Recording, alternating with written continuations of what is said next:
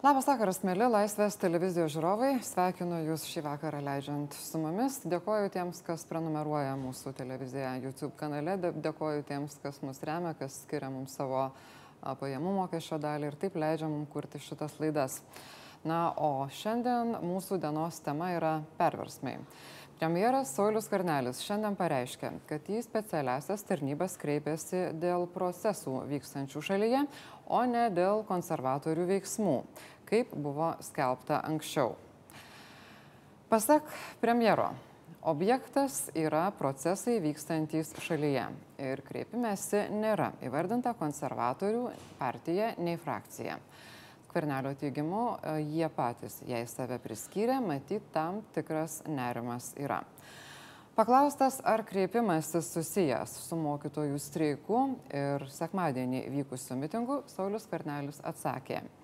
Ne tik tai matome, kas šiuo metu vyksta. Inspiracijos matome tą pačią Prancūziją, kokios valstybės ausys pradėjo lysti. Premjero atstovas spaudai Tomas Beržinskas antradienį vakare, tai yra šiandien, Benas patikslino, kad kreiptasi į valstybės saugumo departamentą į antrąjį operatyvinių tarnybų departamentą. Kreiptasi į Lietuvos kriminalinės policijos biurą, kreiptasi į valstybės sienos apsaugos tarnybą, taip pat į vadovybės apsaugos departamentą, dar kreiptasi į finansinių nusikaltimų tyrimų tarnybą, muitinės departamento muitinės kriminalinę tarnybą, taip pat į specialiųjų tyrimų tarnybą bei kalėjimų departamentą. Pas mus svečiuose šį vakarą yra aukščiausiosios tarybos atkuriamojo Seimo pirmininkas profesorius Vytautas Landsbergis. Sveiki, profesoriu. Noriu pacituoti dar vieną citatą. Iš tikrųjų, jį matyti yra užvaldžiusios emocijos, kurios turi kažkokias gilias šaknis ir kurios pranoksta racionalaus proto ribas. Gal atsimenat, kieno jinai yra? Turbūt ne. 92 metais jūs šitą sakinį pasakėt kalbėdamas apie bronių genzelį, kuris jūs apkaltino, kad jūsų vardu yra skambinama tuo metu aukščiausios tarybos parlamento žmonėms ir grasinama susidorojimu. Sakykit, ar matot paralelių tarp tų dienų įtampos parlamente ir šių dienų situacijos Lietuvoje? Ko gero galima išvelgti. Nes kodėl aš tą taip tada pasakiau, turėjau galvoj kolegos Genzelio begalinį naivumą. Jeigu jam kas nors naktį skambina ir Landsbergio vardu jam grasina, tai bet koks niekšas gali tą daryti, kad pakenktų Landsbergiai arba Landsbergio politikai arba Lietuvos vykdomai pagrindiniai politikai. O Jenzelis neatskiria, net ne, nemato prielaidų, kad reiktų patikrinti, ar čia, gal čia mane kvailina. Ir kažkas, kažkas panašaus, aš vis galvoju, kodėl dabartinis premjeras reiškia, patikėjo kažkokiu atneštų bairiu, kad konservatoriai nori nuversti valdžią arba rengia specialiai kokius tai veiksmus. Dar tapinas tenai pajungtas, pasamdytas gal ar ką. Na, anot kai kurių versijų, tai mes visi čia jums dirbam, žinokit, jeigu ką. Bet aš noriu dar vieną citatą paskaityti. Jau kito Gabrieliaus Landsbergio ir jau šiomis dienomis Politinė įtampa premjerui nepakeliama ir verčia jį elgtis neadekvačiai. Beliko atsakyti į klausimą, ar ilgai dėl įtampos premjeras liks dar savo poste. Man įdomi jūsų nuomonė. Kaip jūs vertinate premjero Sauliaus Kvernelio gebėjimą atsispirti įtampai? Nes, na, kažkokios įtampos tikrai yra. Ne kasdien premjeras susiduria su mėnesį trunkančių mokytojų streikų ir jų apsigyvenimo ministerijoje. Nu, su viskam reikia būti pasirengusiam. Tam tu esi premjeras ar dar koks nors aukštas valstybės pareigūnas. Tu nesi garantuotas, kad nesusiklostys kokios nors aplinkybės ir nebus tokių problemų, kur tu būsi atsakingas už vienokį ar kitokį poelgį arba liniją arba net ir pasakytą žodį. Nu, čia pasakė žodžių visai nereikalingų ir prašau, kiek nemalonumų. tai dėl to adekvatumo aš, aš kažkur sakau, aš įsivaizduoju, kad žmogus gali būti pavargęs, e, gali būti, nu, kaip sakant, trumpam laikui be pusiausviros. Gal jam kas nors pripasakojo kokių dalykų. Tegu dabar patikrina būtent tos tarnybos, į kurias premjeras kreipiasi ir tegu jisai nurodo šaltinius, kas jam atnešė tokias baises žinias apie konservatorių rengiamą perversmą. Na, jis dabar jau nebesako, kad tai konservatorių. Nesvarbu dabar. Bet ne, ne, sakė, kad anksčiau dabar sakė, tai galima jau, reiškia, bandyti sumėtyti pėdas, bet yra pasakyta tada labai aiškiai vienareikšmiškai, na, iš tikrųjų galėjai tik žaktelėti. Taip kaip tada nuo Genzelio. Bet. Genzelis net mane buvo apkaltinęs fašizmu tenais. Aš tada paprašiau, kad jisai apgalvotų savo, savo žodžius ir manau, kad atsip, turėtų atsiprašyti. O kitaip aš turbūt nedalyvausiu tose posėdžiuose, kur dalyvaus Genzelis. Buvo irgi tam tikrų situacijų, tai paskui susireguliavo. Iš tiesų, jūs ir nedalyvavote dalyje tų posėdžių, kuriuose dalyvavo kita dalis aukščiausios Ne, tarybos. tai čia vėl kita, bet- čia kita istorija. Čia buvo istorija panaši irgi į dabartinę, kai dalis parlamento, turinti nedidelę daugumą, pasijuto diktatūriškai. Ir ne, nebesuprantanti demokratijos ar kokio nors ten bendro politinio darbo būtinybės ar reikmės kadangi mūsų yra keliais balsais daugiau, tai mes varom, kaip mums reikia, o jūs galite atšvilpti. Tai tas buvo ir tada, kai jūs prisimenat, ir tada mes turėjom būdą protestų. Aš matau ir dabar kai kada opozicija e, neleidžia balsuoti kokio nors netinkamo arba jų požiūrių kvailo sprendimo, su, sutrukdo. Tai panašiai kaip tada mes turėjom daryti, ne iš, ne iš gero gyvenimo. Nes kai mums pasakė, mes turim keturiais balsais daugiau ir jūsų jau nebėra. Bet kalbant apie tas perversmo anatomijas, na panašu, kad naujausių laikų Lietuvos istorijoje ta retorika su perversmais jinai yra gyva turbūt kiekvienoje kadencijoje. Nes ir tais 92 metais, beje, lygiai dieną prieš mano gimtadienį, jūs irgi pasakėte kalbą ir, ir ją baigėte sakydamas, kad arba sustabdom šliaužiantį perversmą ir einam garbingai į Seimo rinkimus, arba teskite perversmą be manęs. Taip. Ir tais metais aukščiausioji taryba paskelbė pirmalaikius rinkimus ir Taip. buvo išrinkta nauja aukščiausioji taryba, naujas parlamentas. Tai mes išvengiam to šliaužiančio perversmo, kuris jau buvo matomas, kai trijų ar keturių balsų dauguma perimamos visos institucijos, visos struktūros, paskiriant naujus žmonės, atleidžiant tos, kurie netinka, kad visur būtų saviškių, mūsiškių dauguma. E, tokių pagundų gali turėti kiekviena partija. Ypač jauna, nebrandi arba dar ypatingomis aplinkybėmis, kaip mes gyvenom faktiškai karo stovi visą laiką. Beveik ir dabar dar. Tai E, yra tokių momentų, kuriuos galima palyginti. Tas žodis perversmas, jūs sakot, buvo, bet jis buvo, ne, nėjo kalba apie kokį nors nu, ginkluotą perversmą ar smurtinį perversmą. Aš nežinau, ką premjeras turėjo galvoj, kai jis dabar tą žodį. Jeigu vyriausybės nu, nuvertimas arba situacija, kurioje vyriausybė atsistatydina ir sudaroma nauja vyriausybė, tai nebūtinai yra perversmas. Galima taip vadinti. Kai buvo nušalintas Vagnorius ir reikėjo sudaryti naują vyriausybę, ir aš e, svaršiau galimybę su Abišala, su Lūbiu, kurį iš jų pasikvies, paskui pakviečiau vieną būti premjeru, kitą būti pavaduotojų premjero.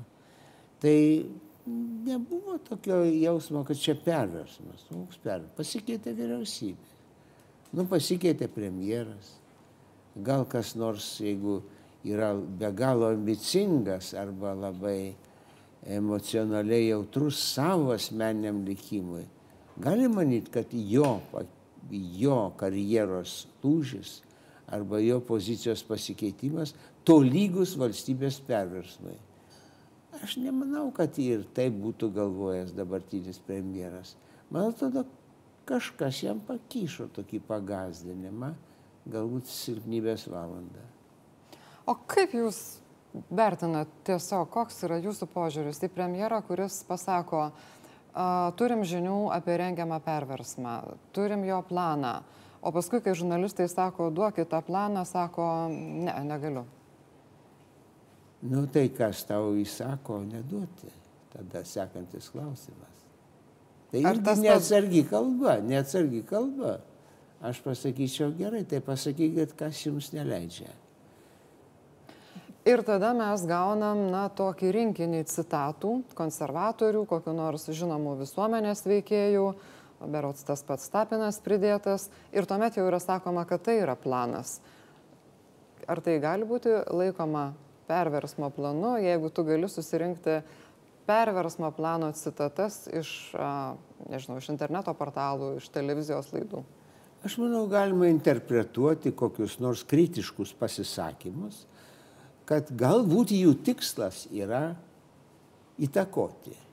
Arba įtakoti esamą vyriausybę, arba jos pakeitimą, arba kokiu nors ministrų atleidimą.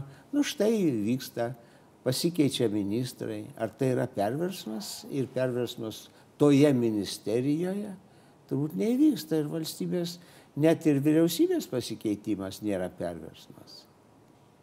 Jeigu išvažiuoja tankai į gatves, nu, tada gal, bet čia turbūt niekas nesapnavo dar tokių dalykų.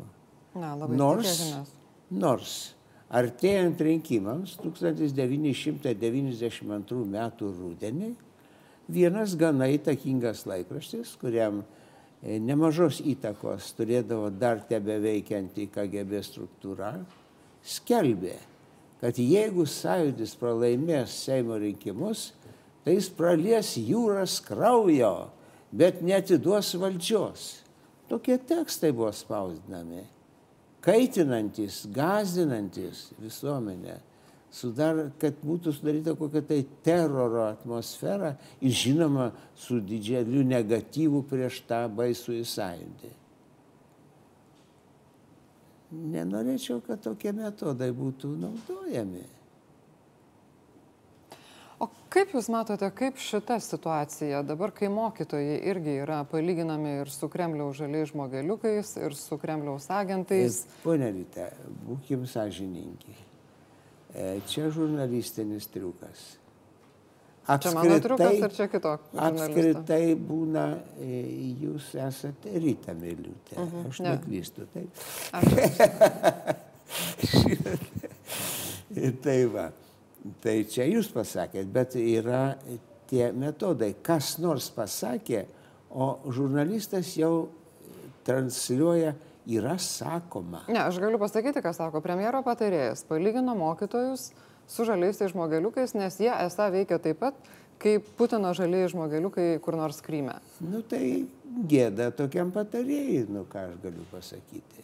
Bet tai nereiškia, kad yra sakoma, apskritai čia visuomenė taip sako, arba kas nors, kokia nors politinė jėga, ta partija, na, ta partija, premjeras net nepriklauso jokiai partijai, kažko, kažkokia grupė. Patarėjas irgi nepriklauso. Vienas žmogus taip pasakė, galbūt jisai šiek tiek žurnalistas.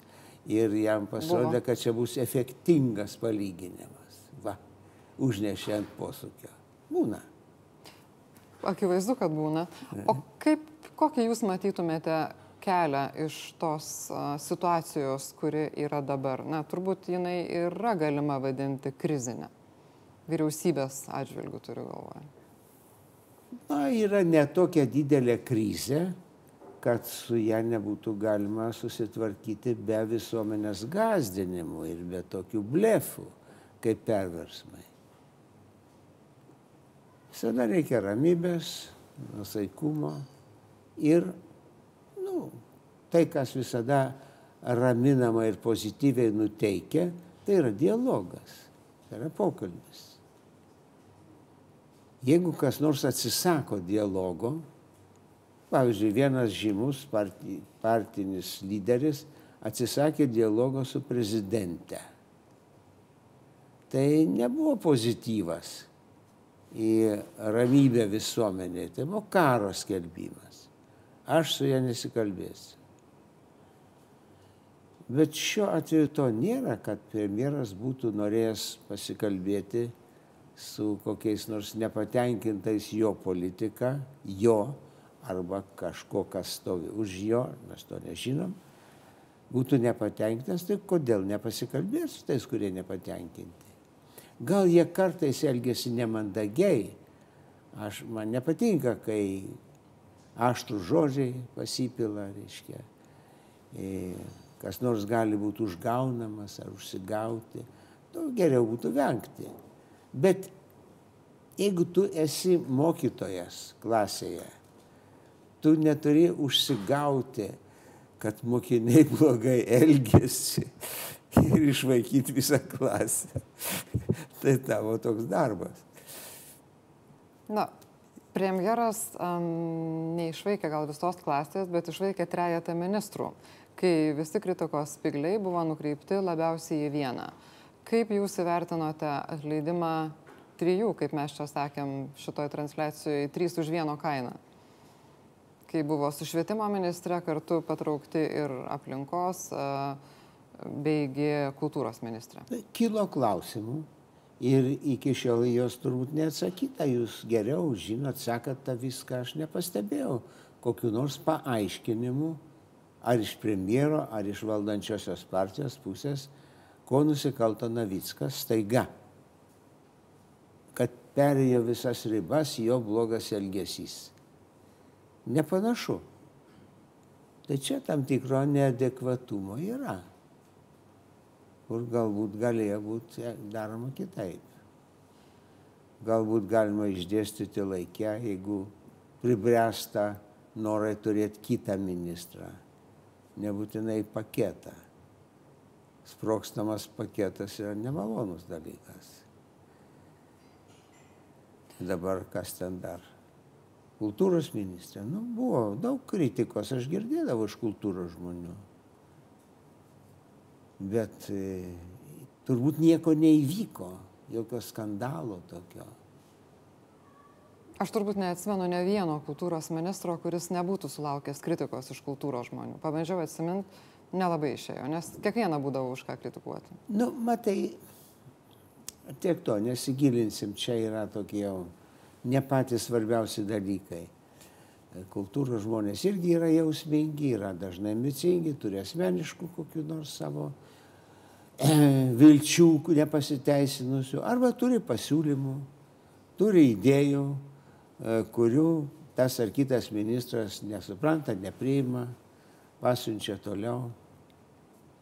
Pasiuntimo būdai irgi yra įvairūs. Galima mandagiai pasiūsti, galima atsisakyti net kalbėtis. To turbūt irgi būdavo. Gal tai yra šios vyriausybės silpnoji vieta. Mes, mes turim daugumą Seime, mes neprivalom su nieko aiškintis tą stilių būtų geriau keisti. Bet jisai irgi turi savo šaknis. Kokios yra to stiliaus šaknis jūsų manimu? E, senasis daugumizmas, einantis nuo didžiosios spalio revoliucijos laikų. Kai daugumiečiai, kai daugumiečiai pasidarė tokią valdžią, kad iškapojo menševikus mažumiečius. Jūs minėjote, kad galimas kelias iš įtemptos arba krizinės situacijos, nelygų kas kaip vertina, būtų dialogas. Ar matote prielaidų, kad noro tam dialogui bus tiek, kad būtent tuo keliu būtų nueita ir kad ta situacija kažkaip eitų gerin, o ne į aštrumo pusę, nes iš tiesų šiandien, nepaisant švietimo ministro pareigas einančio Roko Masiulio dialogo ministerijoje, netrodo, kad to susitarimo daugėja. Nes biudžetas buvo primtas, nepaisant raginimų dar savaitę apie jį detaliau pakalbėti. Na, čia irgi turbūt buvo toksai fasonas. jie prašo dar savaitės, o mes nedosime tos savaitės. Mes valdžia. Atsimenu, kai sėdėjau vieną audringą naktį prie katedros aikštės sovietiniai vidaus reikalų ministerijai pas tuometinį ministrą generolą Lisauską. Kaip išvengti žmonių daužimo katedros aikštėje. Jiems liepta išsiskirstyti, o jie nesiskirsto bjaurybės. Ir Lisauskas pasakė, kad jeigu mes nepanaudosim jėgos, tai mūsų negerbs. Štai kur be galo pavojingas dalykas, tai dabartinis putinizmas turi to. Mūsų negerbė. Mes turim parodyti bombą ar dar ką nors, kad gerbtų. Nu tai to, čia yra mąstymo įdos. E, visada bus gerbiamas protas. O labai sunku gerbti tokią nuostatą, kad turiu jėgos, proto nereikia. Čia yra klasika tarybinė. Bet premjeras šiandien tarsi bando taisyti padėtį ir Saulis Karnelis sako, na, yra neramumai Prancūzijoje, yra iš tiesų įrodymų, kad yra dalyvių tose e, geltonųjų, tose geltonųjų lemenių protestuose ir žmonių iš Rusijos ir iš specialiųjų pajėgų, specialiųjų tarnybų. Kiek racionalus yra tas grūdas, kalbant visą tai, kreiptis į VSD, antrąjį departamentą, kriminalinės policijos biurą, valstybės sienos apsaugos tarnybą ir net kalėjimų departamentą. Ne kalėjimų, o čia dar tris praleido. Kad paruoštų kalėjimus. Nu, tai aš nežinau, apie ką čia eina kalba. Čia yra neadekvatus tokie e, turbūt žingsniai, neadekvatus problemai, o gal kaip tik tai pagazdinimui. O gazdinimas tikrai nelabai ką čia duoda.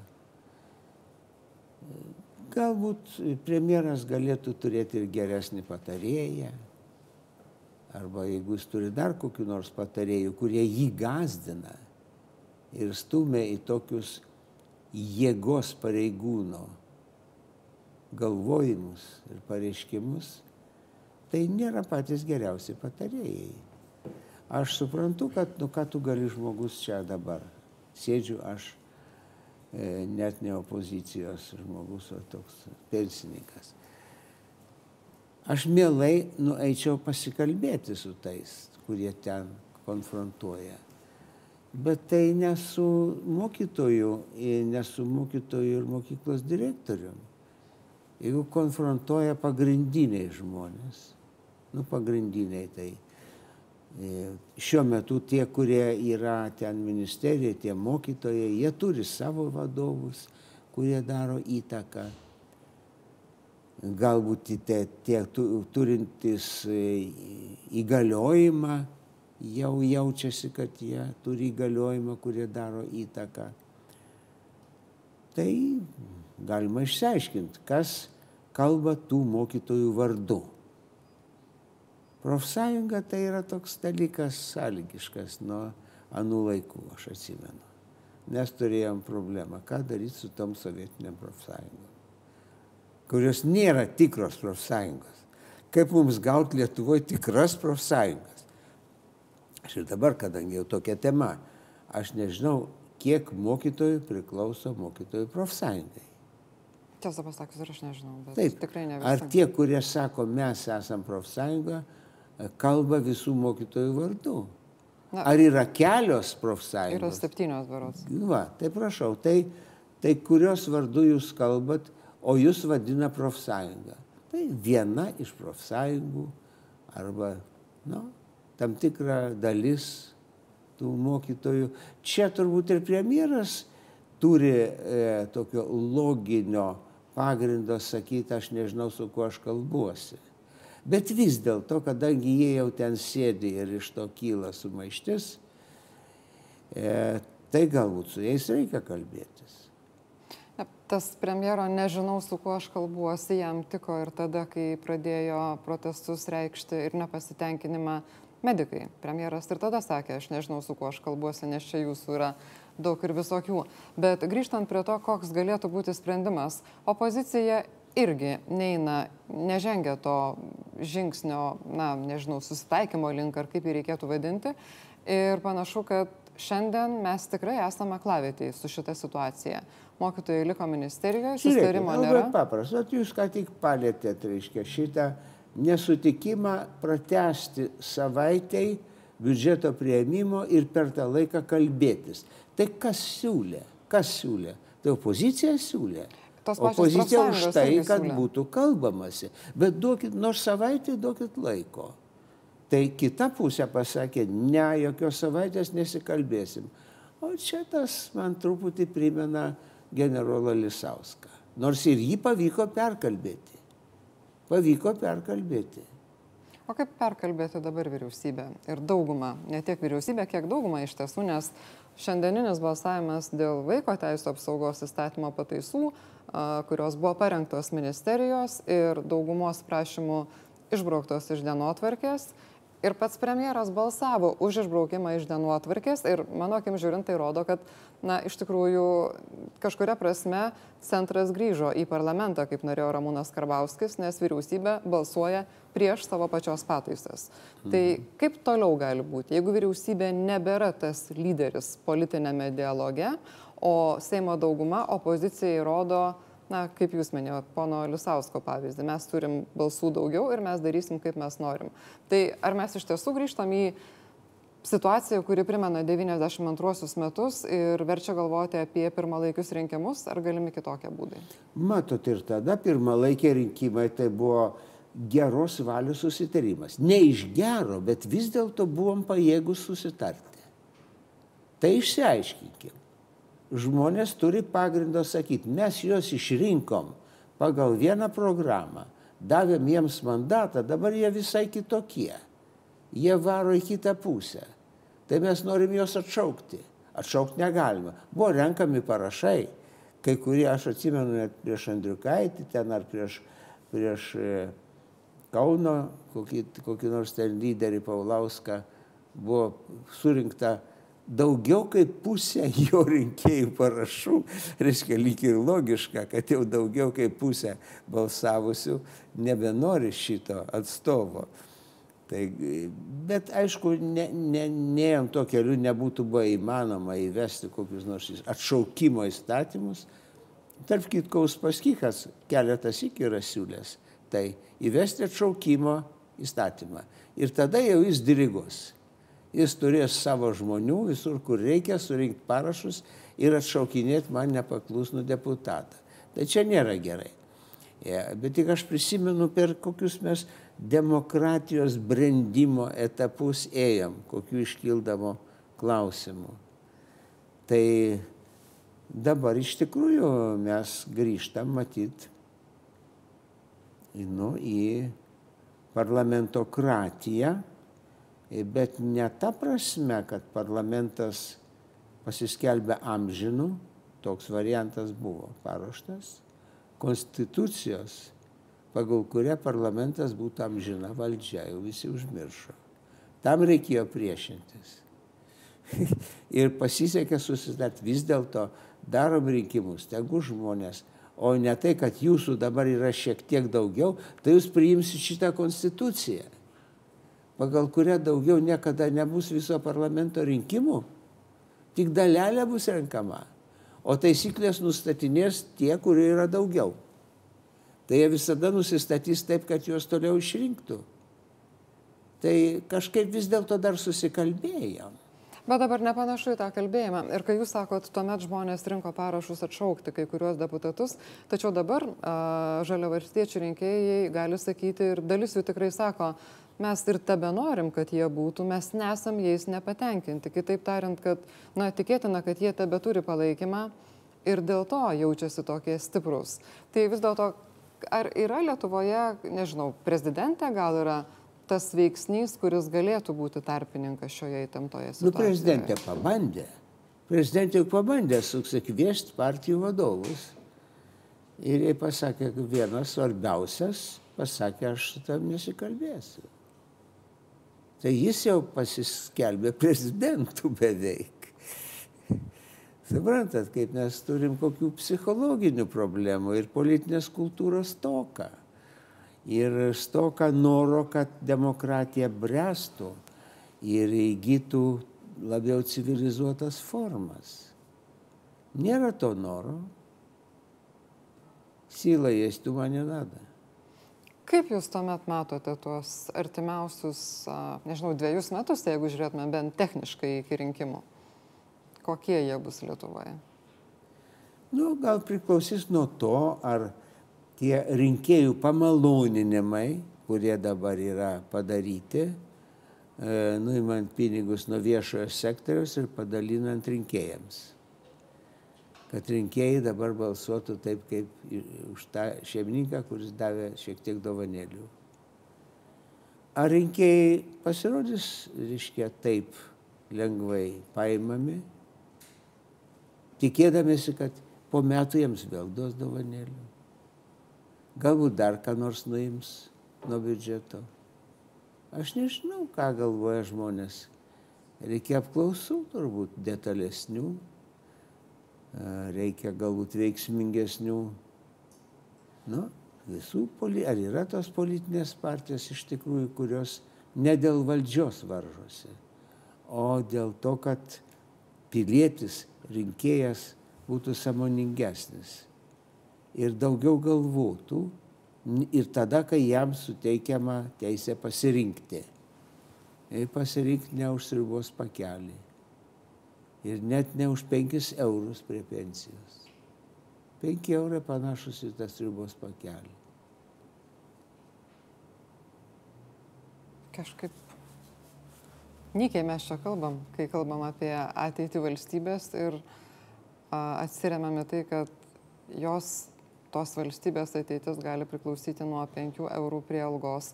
Kas iš kitos pusės tiem žmonėm, uh, kuriem prideda tuos 5 eurus, na, jie yra svarbus tie 5 eurai. Nu taip, bet e, tie žmonės turėtų e, sugebėti galvoti. Aš nesisakau tų 5 eurų, bet aš žinau, kokiu tikslu man jos davė. Neturiu, kad manęs pasigailė, kad aš ubagėlis ir mes šešių negalim duoti, duoti penkis tau duodam, o kitais metais gal dar vieną pridėsim. Ir tada žmogus yra taip net ir nelabai gerbiamas.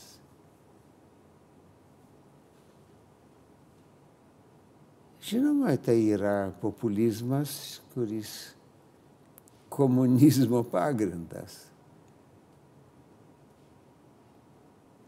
Tik tai tiek dabar skirtumas tas, kad iš labai turtingų netiminėja, jiems dar prideda. Tai bet kodėl tai nepiktina žmonių? Kodėl iš tikrųjų žmonės, tie, kurie, na, šių dienų frazė yra tie, kurie uždirba 400 gaus 14, tie, kurie uždirba 4140 ir kažkaip visi su to gyvena, tarsi tai yra tas tikrasis teisingumas ir socialinė teisybė. Nu, su socialinė teisybė, su progresiniais mokesčiais čia vėl atskira kalba. E, ir progresiniai mokesčiai yra aktualus klausimas bent jau žmonių galvose jiems galima aiškinti, kad jie nieko nesprendžia, kad čia visai tas pats išeina visai kitaip, čia nesvarbu. Kas ant stalo padėta, aišku, tas aišku. Bet ant stalo turi būti padėta taip pat, kad valstybė nesurenka, aš nežinau, ar ne pusės e, mokesčių, kurios turėtų surinkti. Na, Ir vyriausybė pin... sako, kad surenka pagal planą. Planas yra tiek surinkti, visada žinodavau, kad mokesčių nesurenkama, yra problema, kaip juos surinkti. Nu, kažkada net Wagnerius buvo įvedęs tokią žiaurę akciją e, prismaukti tuos, kurie slepia mokesčius. Aš manau, kad tų, kurie slepia mokesčius, yra gausiai šiandien. Ir turbūt nesunku net apžiūrėti, kas kiek sumoka mokesčių. Ir žemvaldžių, ir iš didžiųjų oligarchų. Na, jeigu kalbam apie tuos mokesčius, tai taip yra lengvatiniai mokesčiai, kurie vėlgi dalį žmonių netrukdo, o dalis žmonių tikrai gauna naudos iš tų lengvatinių mokesčių. Tai, bet jūs sakot, žmonės turėtų mąstyti, kaip jie gali pradėti mąstyti, jeigu tiek metų nepradėjo ir jiems tas netrukdo. Tai jeigu jums netrukdo, tai ko jie nepatenkinti? Tai jie patenkinti, jie sako, viskas yra gerai, dabartinė valdžia mumis rūpinasi, mums viskas patinka, tik tai jiem trukdo dirbti. Valdžiai trukdo dirbti. Valdžia irgi taip sako, kad jie trukdo dirbti. Jūs, mes, tie, kurie remia Laisvės televiziją, irgi trukdo dirbti. Nu, tai reikia uždaryti tada. Tada sekantis žingsnis bus uždaryti tokias laisvės televizijas, tos trukdytojus pasodinti į vietą ir tai jau yra nurodymas kalėjimų departamentui turbūt kažką apžiūrėti. Kažkaip tokia visai prie džiugesnės gaidos mes prieėm šitam ja. pokalbėje, prie džiugesnės gaidos prieėm prie kalėjimų nu, departamento. Žinote, toksai, ne, ne, kol, kol dar yra humoro, tai dar galima gyventi. Sunkiausiais sovietų laikais klėstėjo humoras. Aš jau dabar pasigendu. O Rusijoje iš viso nebėra. Ten paskutiniai humoristai yra turbūt sutvarkyti. Nu, jie bando. Yra tokių nevyriausybinių, nesisteminių, kurie suskaldo. Kartais gerai suskaldo bet išeiti jiems į platų ekraną, pasirodyti e, visai didžiuliai tautai, tai jau sąlygų nėra. Na, nu, tada plyto Armėnų radijas ar dar kas nors tokie visokie genialūs anegdotai ir jie nešia informaciją apie tai, kas yra iš tikrųjų. Ir kaip mes gyvenam, ir visi mes gyvenam, ir visi kurie tos anegdotus pasako, kartais pusę lūpų, kartais tyliai, bet vis dėlto pasakoja ir dar jautėsi žmonės. Na, iš tiesų, tikrai džiaugiamės to, kad Lietuvoje dar galima jokauti pilną burną ir netgi per televiziją, nors ir tokią kaip Laisvės televizija, ne tik tai žinoma, bet labiausiai žiūrėkite ir jokius rimtus dalykus per Laisvės televiziją, kurią galite prenumeruoti Laisvės kanale, kanale YouTube ir taip pat Jeigu paspausite tą varpelį ekrano kampe, tai jūs kiekvieną kartą gausite pranešimą, jeigu mes paruošim ką nors su humoru arba ką nors liūdno, rimto, bet vertingo. Ačiū, kad remiate ir ačiū Vytautui Landsbergiui už šį ačiū vakarą. Šitai galimybei pabendrauti. Aš jums primenu, kad čia konservatorių televizija. Padėkit dolerį ir tada galėsim baigti. Aš dolerį? Uh -huh. Palauk, aš patvirtinsiu tada. Ačiū Jums. Dėkui, kad žiūrite. Iki. Siaubą, aš patvirtinčiau ne tik tai, kad e, mes mokame.